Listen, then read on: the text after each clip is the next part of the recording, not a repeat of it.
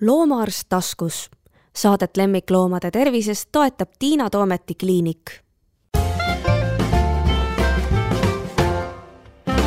tere! Lähenevad lihavõttepühad. Te kuulate podcasti Loomaarst taskus. mina olen loomaarst Tiina Toomet ja minu vastas istub Marika Algpeos. Marika, sul on mitu ametinime ma püüdsin neid meelde jätta ja ma saan aru, et, et need on seotud ühest küljest äh, väikeste lemmikloomadega, ehk siis kas eksootikutega või siis ütleme, pigem vist närilistega, sa ise parandad mind, ja teisest küljest oled sa Varjupaikade MTÜ äh, vabatahtlike koordinaator. et äh, võib-olla enne, kui me lähme siis lihavõtte jänku juurde, siis räägid natukene, mida sa teed siis selle vabatahtliku koordinaatori ametis jah, tere, et äh, tõesti olen Varjupaikade MTÜ vabatahtlike hoiukodude koordinaator, ehk siis juhendan vabatahtlikke, kes äh, omast vabast ajast tulevad appi selleks, et äh, aidata koduta loomi ja närilistega ja küülikutega, eksootikutega olen sellest küljest äh, nagu seotud, et äh, olen Eesti Loomakaitse Seltsi pikaajaline hoiukodu pidaja, et kus võtangi hoiule siis äh, kõiki loomi, aga suuremas osas ikkagi siis närilisi ja küülikuid. kes oli sinu esimene pisiloom, kelle sa võtsid küülik oligi. oli küülik mm.. millal see umbes oli ja mida sa tast mäletad?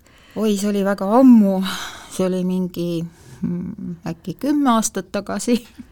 Et äh, see oli täiesti esimene kogemus mul küülikuga ja mäletan seda, et ta hirmsasti jooksis ja näris mul tapeeti. Juhtmeid? Juhtmeid õnneks ei jõudnud närida. tema sai päris kiiresti koju ka siis. aga kuidas ta siis sattus su juurde, keegi oli ta unustanud või tänavalt leitud nii et ei ole teada, kas eksis või visati ei ära? ei ole, kiipi tal ei olnud, no Eestis ei ole nagu kohustuslik ka äh, küülikute ja tuhkrute äh, kiibistamine, mitte nii nagu kassidel ja koertel, aga siiski on soovitav, et kui eksib, siis ongi see niisugune võlupulk, mis tagasi looma kiiresti toob. kas sa teadsid ka, kuidas temast hoolitseda või oli sul abi vaja kellegi käest küsida? Ma olen nagu ise hästi palju harinud ennast just loomade teemadel ja põhimõtteliselt noh, natuke mind Loomakaitse Selts loomulikult ka nõustas, kuna see oli minu esimene küülik elus, aga jah, õnneks nagu ma lugesin ise ka hästi palju internetist ja, ja, ja küsisin inimeste käest, siis ma mäletan, et jah, et äh, siis ikkagi sain hakkama ilusti temaga mida sa paneksid siis inimestele südamele, kes plaanivad pla endale või oma lapsele küülikut hankida? No alustame sellest, et äh, inimene hankib looma ikkagi iseendale, mitte oma lapsele, et Õige. laps võib äh, olla muidugi osaline ja lap-, ongi väga hea, kui laps kasvab koos loomadega ja õpib nende eest hoolitsema, aga vastutab looma eest siiski täiskasvanud inimene ja tema peab jälgima looma tervist ja vastutama siis looma heaolu eest. ja ja loomulikult lapsed võiksid ka juba olla piisavalt vanad selleks, et aru saada, et kuidas tuleb looma kohelda ja et loom on nõrk, et need loomakesed, pisiloomad on eriti pisikesed ja õrnakesed ja hästi äh, stressialdid loomad ja niisuguse tundliku närvisüsteemiga loomad, kes väga kardavad, eks siis see on see ohvri käitumine, eks ole, saagi käitumine. ja sellega tuleb kindlasti arvestada, et kui laps ikkagi ei oska veel piisavalt sellest aru saada, et äh, võib looma maha pillata või tema peale istuda või mis iganes, et see võib väga halvasti lõppeda ja samas ega närilised ei ole ikkagi siiski Nad on teistmoodi loomad natukene ja muidugi ka küülik võib väga haiget teha, nad, paljud küülikud ongi niisugused suht agressiivsed loomad, nad võivad hammustada, nad võivad äh, kriimustada väga tugevalt ja kõik pisiloomad põhimõtteliselt saavad ka seda teha. nii et see ei ole sugugi niimoodi, et, et ilmtingimata saab see laps selle nunnu-jänku endale sülle võtta, et võib juhtuda nii, et saab sellise küüliku, kes ei ole mingil tingimusel absoluutselt, absoluutselt, ja minu meelest kõige mõttetum lapse jaoks loom on üldsegi hamster. sellepärast, et hamster on ööloom, et päeval ta magab siis, kui laps on aktiivne ja öösel siis, kui laps magab, siis on loom aktiivne, et ta on niisugune ja mm, hamstrid on suht agressiivsed loomad ka ikkagi, et et seal oleks siis nagu selline tema hooldamise rõõm ainult, et saab puuri puhastada ja öösel kuulda, kuidas ta krabistab, et just, see ei ole väga just. mõistlik, aga, aga rääkides nüüd küülikust veel natukene, et nad ju on päris pikaealised, et kui vanaks ja, nad võiksid elada? üldse? no keskmiselt kuskil alates kuuest eluaastast kuni kümneni, et mm -hmm. ja et, et päris pikk eluiga, jah. nojah, nii et ongi siis, vastab tõele, mida ma kusagilt lugesin, et, et kui võtad äh, kümneaastasele lapsele küüliku, et siis pead arvestama sellega, et kui ta läheb ära ülikooli, et siis see vana küülik jääb sulle, et väga võimalik, väga ole. võimalik mm, -hmm. kui muidugi hoolitsetakse õigesti ja toidetakse õigesti, kuna need loomad on ka hästi õrna seedimisega et seda tuleb ka kindlasti arvestada, et see toit oleks väga õige ja balansseeritud ja, ja noh, kõik, kõik teised pidamistingimused on õiged. no see toidu puhul on vist võib-olla tänapäeval selles mõttes natuke lihtsam, et meie lemmikloomapoed on nii rikkalikult täis kõikvõimalikke asju, et, et kui seal on hea müüja, kes oskab soovitada, et siis siis võib-olla väga puusse sellega ei panegi või? võib küll panna, sellepärast et müüakse absoluutselt erinevaid asju ja, ja kõik äh, tervis, need asjad ei ole, ei pruugi olla hoopiski tervislikud mm. -hmm. et kui me räägime siis sellest heast toidust, et tuleb meeles pidada, et küüliku põhiline toit on kvaliteetne hein et seda ta peab kindlasti saama, et ei ole probleem, kui küülik ei söö näiteks kõrbuskeid, neid kõik kuivtoite.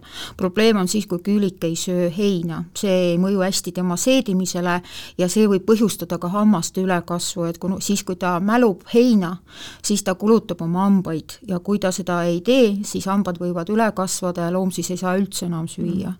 ja kui me räägime nendest kuivtoitudest, siis kõige parem toit on ikkagi see, mis ei ole müslilaadne, ehk siis erinevad osakesed, toited, kust saab siis loom valida kõige enda jaoks võib-olla maitsvamad, aga mitte väga tervislikud.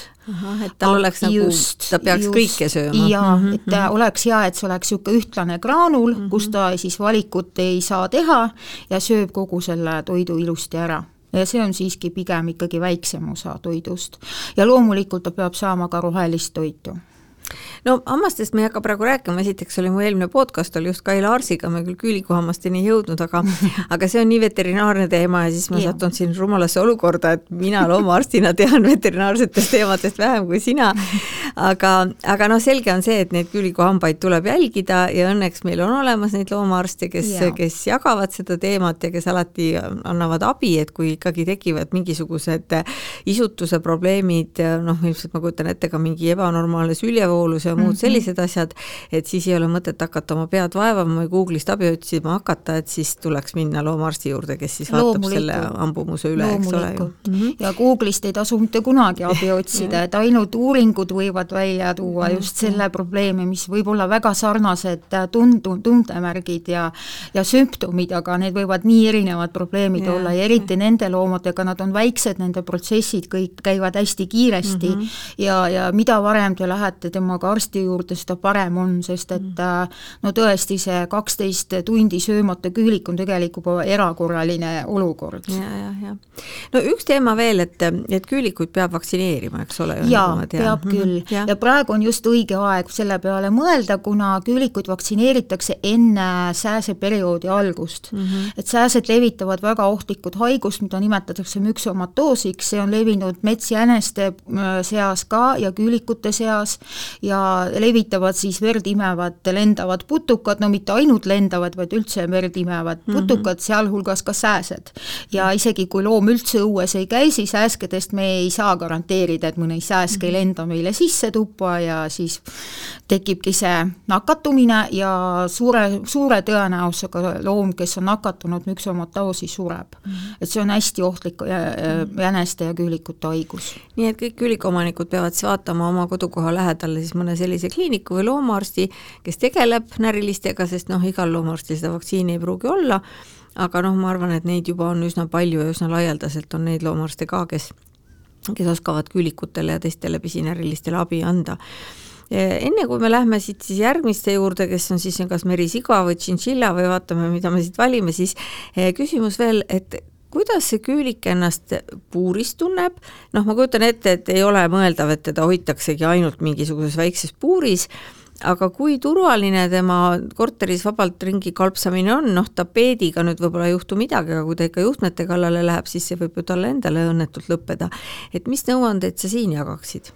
jah, kahjuks äh, nagu sina ütlesid praegu, et ei ole mõeldav väikeses puuris hoidmine, aga sa, sa samas äh, nagu loomakaitsjad väga tihti just selle probleemigagi puutuvad kokku, et küülikuid hoitaksegi liiga väikestes puurides ja, ja see on loomulikult väga kahjulik loomale ja see ei ole üldse õige küüliku pidamine, et küülik tahaks joosta kodus täiesti vabalt, täpselt nagu koer ja, koer ja kaski, ja, ja kui ta seda ei saa, siis tal see hakkab tervisele mõjuma et ühe koha peal istumine, see, need tema lihased muutuvad lõdvaks ja siis võib tekkida ka käpanditele ka pododermatiit, see on nahapõletik, mis, mida on ka äärmiselt raske ravida ja küülikute puhul on raske ka tuvastada niisama inimesele, et ainult arst võib seda tuvastada vahest. et jah, et jah, küülikud ei ole kõige kergemad pidamises loomad ja väga tihti need võetakse just nunnu välimuse pärast, et oi, nunnu jänku, et siin koha peal tahaks veel mainida, et jänku ja küülik on tegelikult absoluutselt erinevad loomad ja jah, ja siis äh, tuuakse koju ja siis kas pannakse puuri koguks ajaks äh, või siis avastatakse, et ahah, et ta jookseb, ta hüppab, ta võib igale poole kõrgele hüpata, ta võib isegi üle aediku hüpata, näiteks kui on mingi kodune aedik, toaaedik. ja siis nad närivad hästi palju, nad võivad puitmööblit närida, nad võivad närida tapeete, nagu me ütlesime, nad ja juhtmed on muidugi väga ohtlikud nende jaoks, et kui ongi sellised juhtmed, et äh, on väljas ja nad on ohtlikud, siis loom võibki surra. ja ka kõik toataimed praktiliselt on nende jaoks kõik väga ohtlikud ja mürgised, nii et kindlasti, kui teil on plaanis võtta küülik, siis teie kodu peab olema hästi turvaline ja palun ärge pange teda suurde, väikesesse puuri. ja tegelikult need äh, puurid, mida meie kaubandus nagu pakub praegu äh, küülikute puuride nime alt, tegelikult sobiks vaid meriseale võib-olla. no või see võiks ja. olla siis selle küüliku just. nagu pesa, kus ta siis käib, kui ta tahab, aga et tal oleks pisa, lisaks just. sellele veel nagu mingisugune kalpsamise ruum ka, eks ju. just mm, -hmm. kas pesa või siis mõned, minul näiteks, mul oli ka kaks küülikut ja nende jaoks oli puur hoopiski tualett hmm. aga kas põhimõtteliselt, kui ma nüüd suudaksin need juhtmed kõik ära peita, ma ei muretse oma mööbli pärast ähm, ja tapeedi pärast, et kas põhimõtteliselt küülikult saab pidada nagu vabaduses ka, kas ta näiteks läheb just sinna oma, tal on oma tualetikoht, kas ta läheb ja teeb alati sinna, et kui kui selline selles mõttes nagu puhas ja korralik koduloom ta on, et kuidas sellega sinu kogemus on? jaa, seda võib küülikutele täiesti õpetada ja on noh, see on muidugi töö jällegi, kui te olete selle tööga mm, huvitatud tegelema, siis mitte midagi ebareaalset siin ei ole. et võivad küll ühte kohta nagu pissimas käia, pabulate kohta võib öelda, et tavaliselt ikkagi pabulad tulevad igale poole. Need on õnneks nüüd muidugi sellised, need on jää ära korjata. jah, nad on niisugused kuivad pisikesed pallid, et nad nad ei tee mitte midagi, aga no siiski koristamist on palju juba sellepärast, et ta vajab palju heina. ja see hein korteris muidugi ta ajab selle laiali ja, ja kui te ei ole valmis iga päev koristama, siis võib-olla ärge võtke küülik äkki siis küülikul peakski ikka oma tuba olema? võiks olla küll, see on nagu ideaalis jah ja,, aga siis võib-olla talle meeldib seal oma toas ja siis, kui tuleb see inimene, kes tahaks temaga suhelda, siis Külik on, talle ei meeldi ja ta kardab, niisugune variant on ju ka olemas ilmselt, eks ole, eks küülikute hulgas on ju ka neid sotsiaalsemaid ja mittesotsiaalseid, eks ju. ja siin kohapeal võiks öelda, et emased küülikud on eriti territoriaalsed loomad, et mm -hmm. nad on ise, no kõik nad on territoriaalsed, aga emased eriti. ja, ja mõne, mõnikord ja muidugi on alati ka mm, soovitus kastreerida, steriliseerida, eriti steriliseerida steriliseerida, sellepärast et äh, mingil, mingis vanuses äh, küülikutel tekivad ka täpselt samasugused probleemid nagu kassidel, koertel, et kõik need emakapõletikud ja asjad, mida on noh, küülikute puhul omanikul võib olla veidike raskemini ka tuvastatavad, et tasub ikka selle operatsiooni peale ka mõelda. aga kui sa küüliku lapsukest ostma minna, siis ja noh, isegi võib-olla täiskasvanud küülikut, et ega ju pealtnäha on väga raske ju otsustada, et kas ta on siis nüüd selline sotsiaalne loom, et kui ma tahaks, et mul oleks nunnuküülik, mida laps saab sülle võtta mm, -hmm. Või ta on tõesti selline, kes on nõus meiega koos elama, aga see on ka kõik, ega seda on vist ilmselt väga raske hinnata või no, on siin? täpselt samamoodi nagu kõikide teiste loomadega ja ka inimestega mm, -hmm. nad on kõik indi-, indiviidumid no,. koera puhul on võib-olla, noh, võib-olla ma loen ka koera paremini no, mul natuke lihtsam, et kui see kutsikas, kes nagu ja. ligi tuleb ja kes mm -hmm. ei mhm. karda, et sellega ja. on nagu lihtsam, aga küülikuga ma arvan, et ma ei oskaks vist seda seal on jah, raske nagu tuvastada, et mm -hmm. noh, mis, mis temast nagu saab edaspidi mm, -hmm. aga jällegi see on inimese omaniku töö ehk siis harjutama võib ja peab harjutama ja mida rohkem loomaga tegeletakse, seda parem on. või siis teist, teistpidi, et võib-olla küülikut võiksid siis võtta ka need nii-öelda rohkem kassiinimesed, kes on nõus elama loomaga koos loomatingimustel, sest minu meelest kassiga teistmoodi ei saagi. et noh, kass võib olla selline, et ta tahab su üles käia, ta tahab sinuga suhelda, ta võib igast asju tahta ja võib-olla täpselt samasugune kass, kes ei taha ja. üldse, kes on, nagu lepib sellega, et oo, siin korteris elab ka inimene. ja, ja noh, nendel inimestel, kes on selleks nagu juba eos valmis, et see kass ei pruugi nunnupall olla ja magada mu süles, siis võib-olla see saab ka selle küüliku pidamisega paremini hakkama, et kui see küülik ei taha suhelda, siis olgu, et ja. ta elab mu kodus, aga ta elab oma elu.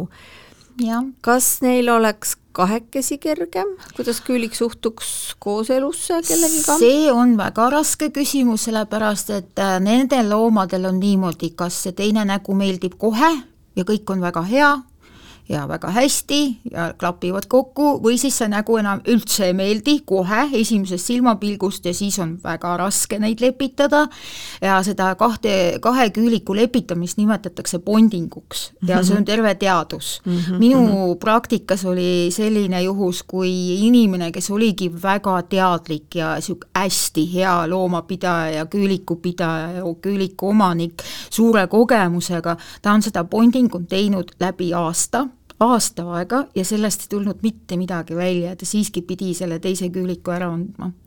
et kui ei meeldi, siis ei meeldi ja nii lihtsalt on mm. -hmm. ja me kunagi ei tea, me ei saa seda öelda, ei ole mingisuguseid selliseid kriteeriumi, mida, mille järgi võiks nagu umbes arvata mm, -hmm. et mhm. äkki ei meeldi. siin ei loe ei vanus, ei värvus, ei sugu, mitte midagi. et lihtsalt ei meeldi ja nii on mm. -hmm aga küülikuga, noh, nüüd see on nüüd küll võib-olla väga asjatundmatu arvamus minu poolt, aga et võib-olla küülikuga on selles mõttes natuke lihtsam, et ta, kui ta nüüd tuleb ära anda, siis äkki tema on nagu ükskõiksem, aga ma ei tea, sa võid mulle kohe öelda, et Tiina, sul oled, sa oled eksiteel, ükskõiksem selles suhtes, et kas ta elab nüüd korteris A või korteris B, et noh, mis on kassi puhul minu jaoks on keeruline ja mis on mul takistanud näiteks võtmast teist kassi endale, et äkki minu kassile ei meeldi või äkki sellele teisele kassile, keda ma toon, ei meeldi ja ma tekitan noh, emmale-kummale sellega noh, lisastressi ja sellele vaesekesele, keda ma üritasin juurde tuua ja kelle ma pean lõpuks jälle kuhugi andma, et siis tema peab mitmes kohas käima, et, et, et see on talle raske, et ma ei kujuta ette, kuidas küüliku suhtub sellesse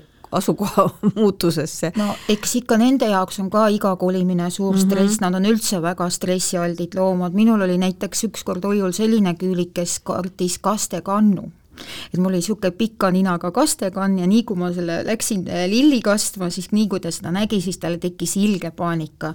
üks juhus oli selline, kui üks võõras koer, äh, kutsikas, väike kutsikas tuli, nuusutas küülikut ja sellest tekkis niisugune paanikahoog, et kümne minuti pärast küülik oli surnud. ja, et siin tuleb kindlasti arvestada sellega, et äh, need loomad on väga niisugused, kes kardavad stressi ja ei talu stressi ja loomulikult iga kolimine on nende jaoks suur stress.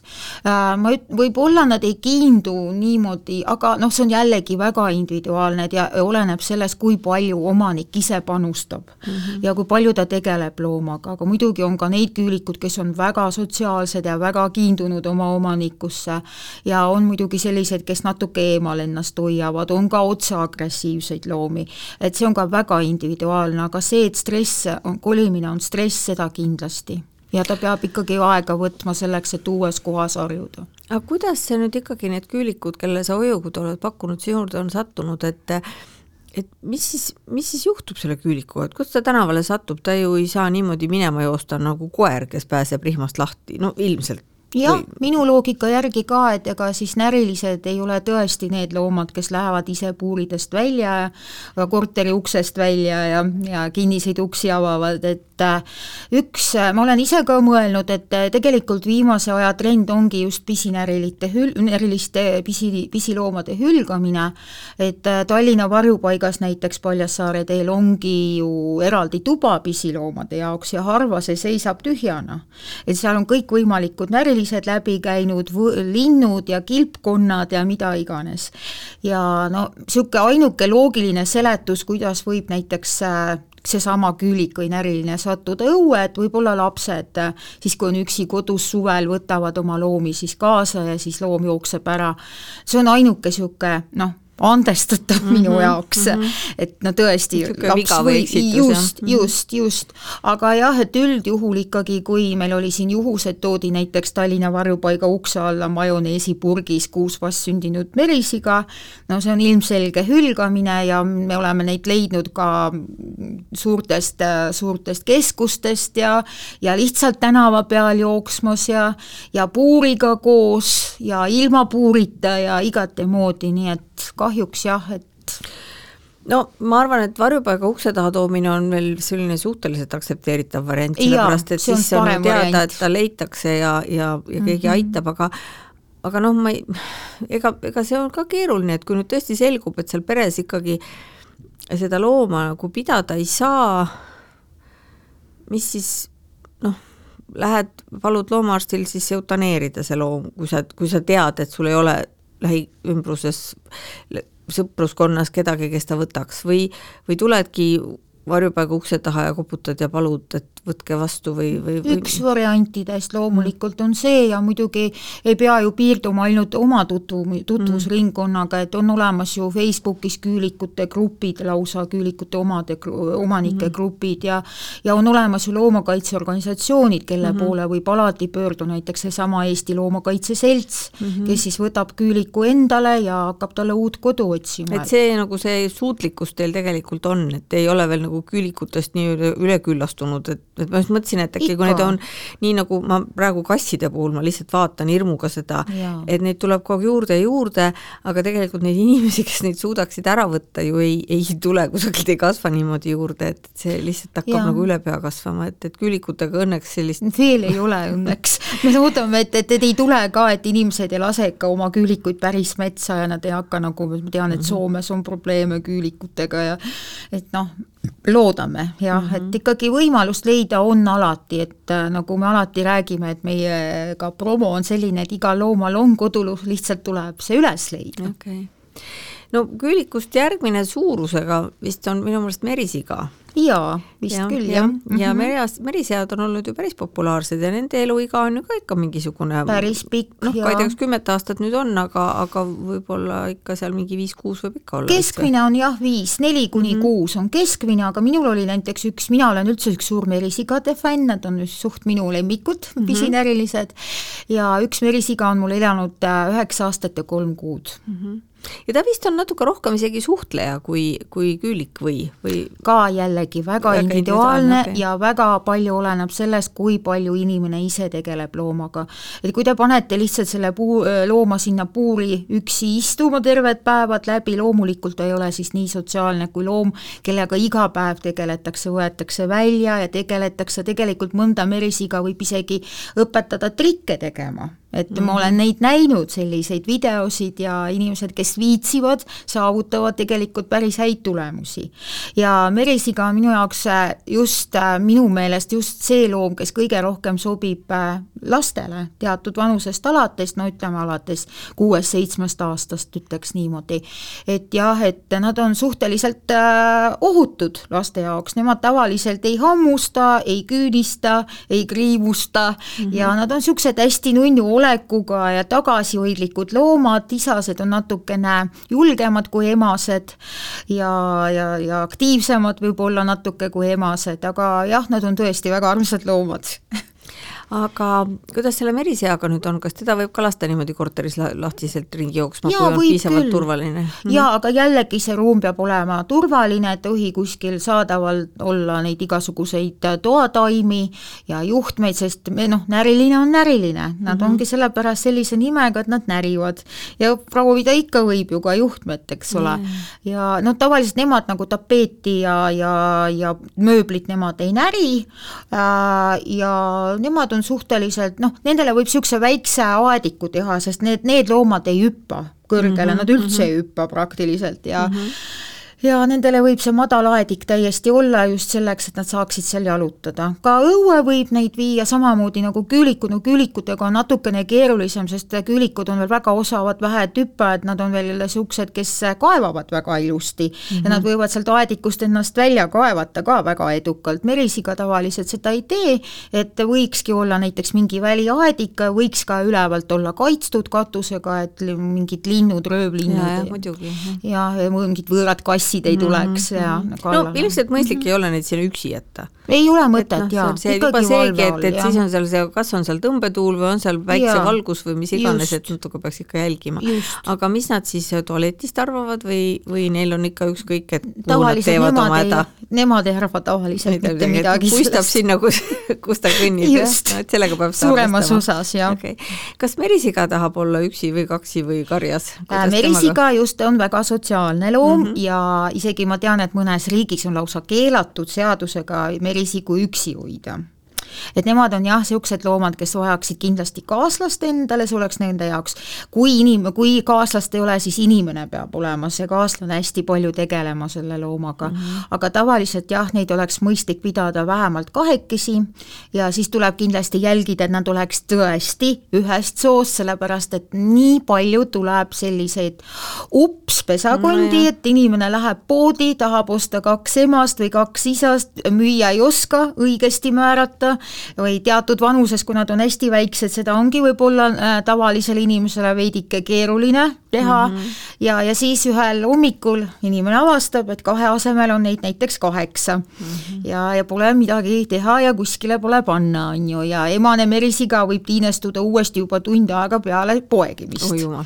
nii et ja see on väga keeruline, et, et siin tuleb hästi, et ma soovitan alati, kui te võtate juba äh, olemasoleva meriseale mingi kaaslase veel, et kindlasti enne seda tuvastage raudselt, kes nad siis teil on, minge loomakliinikusse, kus on pädev loomaarst, kes tegeleb närilistega ja paluge tuvastada, mis soost need loomad on, et kui te ei taha, et teil tuleks niisugune üllatus. Yeah. just nii, meriseast rääkisime ka, minul on ainuke kokkupuude sellistest loomadest rotiga, meil mm -hmm. oli peres kunagi rott ja küll see rott oli tore loom. ja ta on väga targad. ta oli lihtsalt nii üliarmas, et, et ma ei oleks uskunud, et ma niimoodi rotisse kiindun mm. -hmm. ja, ja noh, oligi selline loom, kes noh, nagu ütleme, tänapäeva koerapidamine, et öösel on umbes puuris, magab oma pesas ja siis päeval jooksis ringi ja, ja mm -hmm. oli väga-väga taltsas ja sõbralik ja, ja, ja väga vahva, nii et et, et rotti ma isegi julgen ka soovitada, sest mul on endal nii positiivne kogemus, aga ilmselt jälle, jälle alati ei ole, mõnikord nad võivad ilmselt näpust hammustada ka, kui neile midagi ei meeldi või ma ei tea, mis sa loomulikult, see jällegi,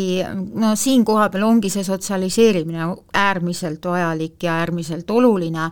Ja rotid on ju närilistest hoopiski kõige targemad loomad ja kusjuures nemad just oskavadki uksi avada, äh, oma puuriuksi vähemalt, mina olen ise seda pealt näinud ja ma olin väga šokis, et oskavadki ja neid neid võib ju trikke õpetada neile ja siis nad on üldse väga targad ja intellektuaalsed loomad.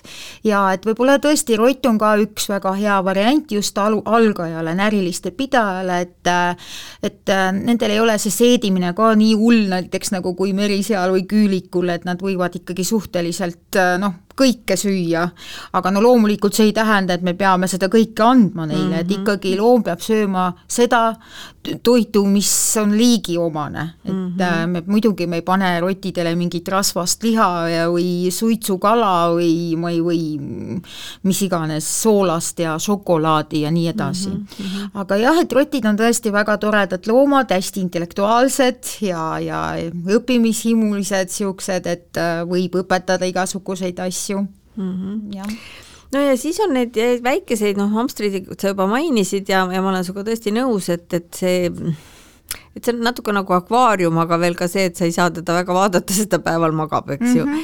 et ähm, liivahiir, see on vist see kerbil ja, ja, ja siis on need tšintšiljad, need on ka vist minu meelest nagu keerulised, ma saan aru, tšintšilja näeb üliarmas välja, aga nad võivad olla ka suhteliselt ettearvamatud vist oma käitumisel, ma ei tea, on sul kogemusi tšintšiljadega ka? mul oli endal ka tšintšilja mm -hmm. olemas ja mul on neid hoiul väga palju olnud ja ma võin öelda, et tšintšiljad on minu järgmised lemmikud Aha, peale merisiku. Nad on ka hästi toredad, hästi nunnud, hästi sotsiaalsed loomad, aga nende pidamine pidamine peab olema väga õige just selles mõttes, et nad vajavad väga suurt ja kõrget puuri. et see on juba niisugune rohkem kapi moodi kui mitte, mitte puuri moodi, see peab vertikaalselt väga kõrge olema, et loomad saaksid vertikaalselt liikuda erinevatel tasemetel hüppama ja saaksid hüpata ja, ja et see on väga oluline mm. -hmm. ja nendel on ka omad probleemid, äh, nagu näiteks teegud, kui me võtame need teegud, need mm, -hmm. need, äh, mis nad on, mingid oravat, vist Lõuna-Ameerika oravat, kui ma ei eksi. et äh, nendel on, nad on suht-, niisugused ütleme, looduslikud diabeetikud ja nende veresuhkru, veresuhkru tase on nii kõrge, et nad ei tohi midagi magusat süüa. ja ma vahest imestan, et äh, samas kuskil, kuskil loomapoes ma olen näinud, et äh, on nagu tšintšiljad ja teegud ja siis soovitused, millega toita, ja seal olid niisugused väga kummalised asjad nagu pähklid ja rosinad ja noh, ja kui inimene hakkab näiteks teegut rosinatega toitma, see väga kiiresti lõpeb halvasti ja pähklid on ka väga rasvased ja ei mõju nende maksale hästi mm. -hmm kas on veel, noh, kuna ma ei, ma ei ole iseennast nüüd nii kurssi viinud kõigi nende väikeloomadega, et on, on veel, keda me ei, ei maininud et...? on küll, näiteks minul on praegu kaks väikest hiirekest mm, -hmm. no nemad on ka niisugused pigem vaatamiseks loomad, et jah, neid võib ka mingil määral sotsialiseerida, aga siiski nad on niisugused ehtsad saakloomad, nagu mm -hmm. nad kõik mhm. närilised on ja need on, nad on ka pigem aktiivsemad õhtul ja öösel ja neid on lihtsalt tore vaadata, eriti kui neid on palju koos -hmm. aga siin on on jällegi see küsimus, jaa, neid tuleb ju hästi palju, hästi tihti ja isased kipuvad ju need pisikesed ära sööma, see on no, nii. siis ei ole jälle tore vaadata. jaa, lapsele see võib olla väga traumeeritav, on ju.